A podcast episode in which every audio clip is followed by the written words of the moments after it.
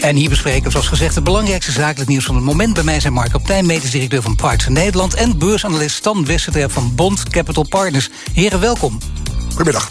Goedemiddag. Ja, Stan uh, op afstand. Ik begin met jou om te beginnen met de olieprijs. Wat zie je daar gebeuren? Ja, we staan inmiddels uh, Brent-olie uh, per vat op 115 dollar. En dat is uh, het hoogste niveau in jaren. de laatste keer dat we dit soort niveaus hebben gezien was 2008, net voor de financiële crisis. Ehm, en zelfs in euro's gemeten, want toen was de euro veel, veel hoger ten opzichte van de dollar, is dit de, hoogste prijs ooit. meer dan 100 euro per vat Brent-olie. ja, en de, het is net al vaak genoeg gezegd, dat zorgt voor hogere prijzen aan de pomp. Dat zorgt voor hogere energierekeningen thuis. dus dat gaat een enorme klap geven voor, uh, voor de koopkracht van, uh, van veel mensen in ja. de westerse landen. Nee, dat is zeker. Ja. Je, je zegt ook, hè, uh, voor het laatst zo hoog in 2008. wat zie je op de beurzen gebeuren? Nou, daar is het eigenlijk vrij rustig uh, vandaag. Uh, de, de, de, usual suspects die natuurlijk hiervan profiteren zijn, uh, zijn aandelen als Shell. Um, maar je ziet eigenlijk met name dat er ja, wat bezinning is gekomen deze week. in de aanloop naar het conflict waren de beurzen veel paniekerig. En eigenlijk sinds het conflict echt in volle hevigheid is losgebarsten... zie je dat we een beetje rondom hetzelfde niveau blijven hangen. ja, eigenlijk een duidelijk een afwachtende houding van hoe gaat dit verder ontwikkelen. En laten we maar even stil blijven zitten op het moment dat we geschoren worden. Oké, Mark Kaptein, uh, u wilde het graag hebben over de beurswaarde. Nu we het toch over de beurs hebben, maar dan de beurswaarde van een aantal grote farmaceuten. Nou ja, kijk, het interessante is als je kijkt naar, uh, naar de bedrijven zoals Moderna en BioNTech, uh, biotechbedrijven die een enorme impact hebben gehad op het bestrijden van de pandemie, dat die aanvankelijk de beurswaarde enorm steeg, maar ja. door het succes van de, de vaccins en, en het, het, uitdoven van de pandemie, op dit moment die beurswaarde ook weer enorm is verminderd. Dus twee derde van de beurswaarde is alweer verdampt. Ja, en dat geeft ook wel aan hoe moeilijk het is. Dat het businessmodel van de biotech en farma-industrie is niet zo simpel. Het is ook helemaal niet zo dat, wat wel eens wordt geopperd, dat de aandeelhouders wel uh, in Polonaise door de gangen zouden lopen. Nou, wel een soort geopperd, dat heb ik wel heel vaak gehoord. Ja, ja, dat nou ja, gebeurt deze... gaan, maar dat is totaal niet het geval. Nou, dat is aantoonbaar onjuist. Hè. Tweederde van de beurswaarde is verdampt. Ja. ja zeker, dat betekent eigenlijk uh, heb je er helemaal niets aan. Nou, je hebt er heel veel aan, want we doen het voor de aandeelhouders, maar we doen het ook voor de maatschappij. Er zijn twee doelstellingen als bedrijf. En die maatschappelijke verantwoordelijkheid hebben we heel nadrukkelijk genomen. Maar het zegt natuurlijk wel iets over het businessmodel van farmaceut, of niet? Ja, zeker. Ik denk dat dat ook niet altijd goed begrepen wordt. Het, is een, het, het, het vreemde is natuurlijk ook, een bijna cynische conclusie, dat als je heel succesvol bent in het bestrijden van een ziekte of een pandemie, dat je dan aanvankelijk daar de credits voor krijgt, maar uiteindelijk als beurswaarde daar niks, uh, niks mee opschiet. Nee, en het cynisch is ook dat je dat nog steeds ook in veel hoofden van mensen blijft zitten. Ja, ja, dat zou hij wel zeggen, maar ondertussen. Nou ja, goed, dat de cijfers anders uitwijzen nu. Ja, ik, ik kan het wel zeggen, maar het enige wat je hoeft te doen is even checken wat er, wat er gebeurd is met die beurswaarde, dan zie je het zelf. De voorzitter van de Amerikaanse Federal Reserve die heeft een toespraak gehouden. Stan hebben we net even met, uh, met Kees ook al over gehad. Uh, hoe heb jij daarnaar gekeken? Ja, dat was inderdaad voor, uh, voor het Huis van Afgevaardigden. Um, en de toon was duidelijk meer gematigd. En dat heeft natuurlijk alles te maken weer met het uh, Rusland-Oekraïne-conflict. Uh, waar de markt er eerst nog bang voor was dat we misschien wel eens met twee stappen tegelijk omhoog zouden kunnen gaan. Dus 50 basispunten later deze maand.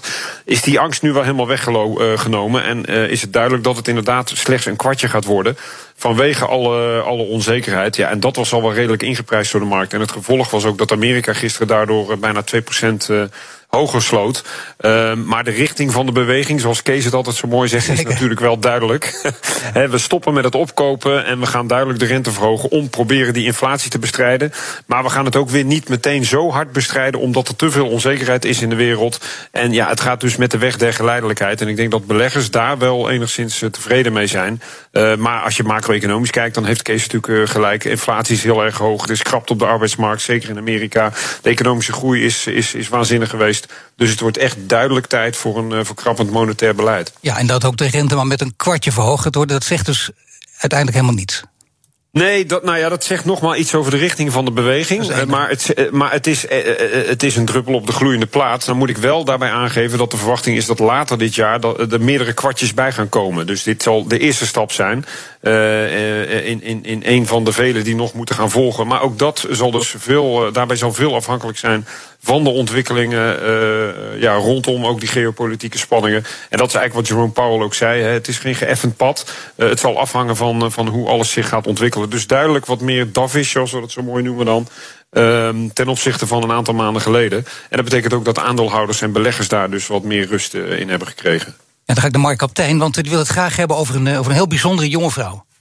Ja, dat was uh, wat ik vanochtend uh, las. Dat was een in memoriam van Floor van Liemt. Voor duidelijkheid geen familie van mij, hè? Maar, nee, speelt nee. anders. nee, maar Floor van Liemt die werd op haar 21ste geconfronteerd met een, met een diagnose van gemetastaseerde uitgezaaide longkanker. Dat is heel zeldzaam. Dat was op basis van een bepaalde genmutatie.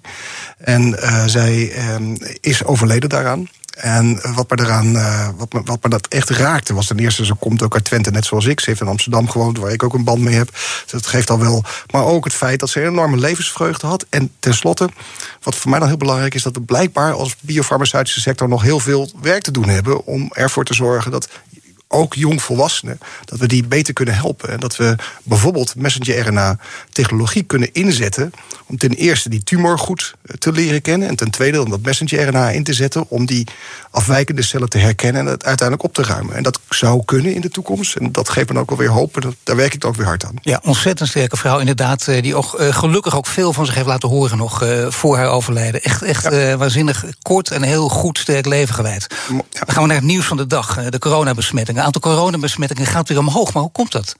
Nou ja, dat is hoogstwaarschijnlijk wel met te maken met, met, met, met carnaval, met de, de vakantie. Met, weten we nog niet zeker, hè? Want... Dat weten we niet zeker, maar we kunnen wel we kunnen ervan van uitgaan dat de, de maatregelen die zijn, zijn, zijn opgeheven, de carnaval, de, de vakanties, dat die allemaal leiden tot een toename van het aantal infecties.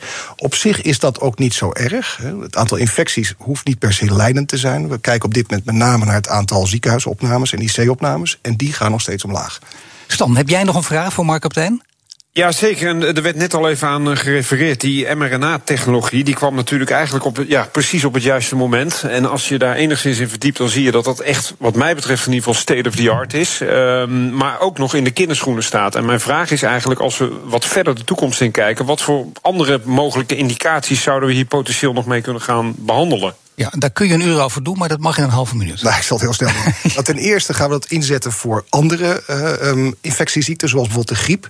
De, dat, dus messenger-RNA-vaccins voor de griep. Maar we gaan het ook inzetten, en dat wordt ook al gedaan, bij, bij kanker. Dus als je een tumorcel goed kunt uh, identificeren, dan kun je messenger-RNA, kun je een cel via messenger-RNA kun je een cel instrueren om eiwitten te maken die dat die die afwijkende cellen herkennen en vervolgens opruimen. En ja, dat zou echt, uh, dat betekent gepersonaliseerde therapie. Ja, dat is prachtig als dat gaat lukken.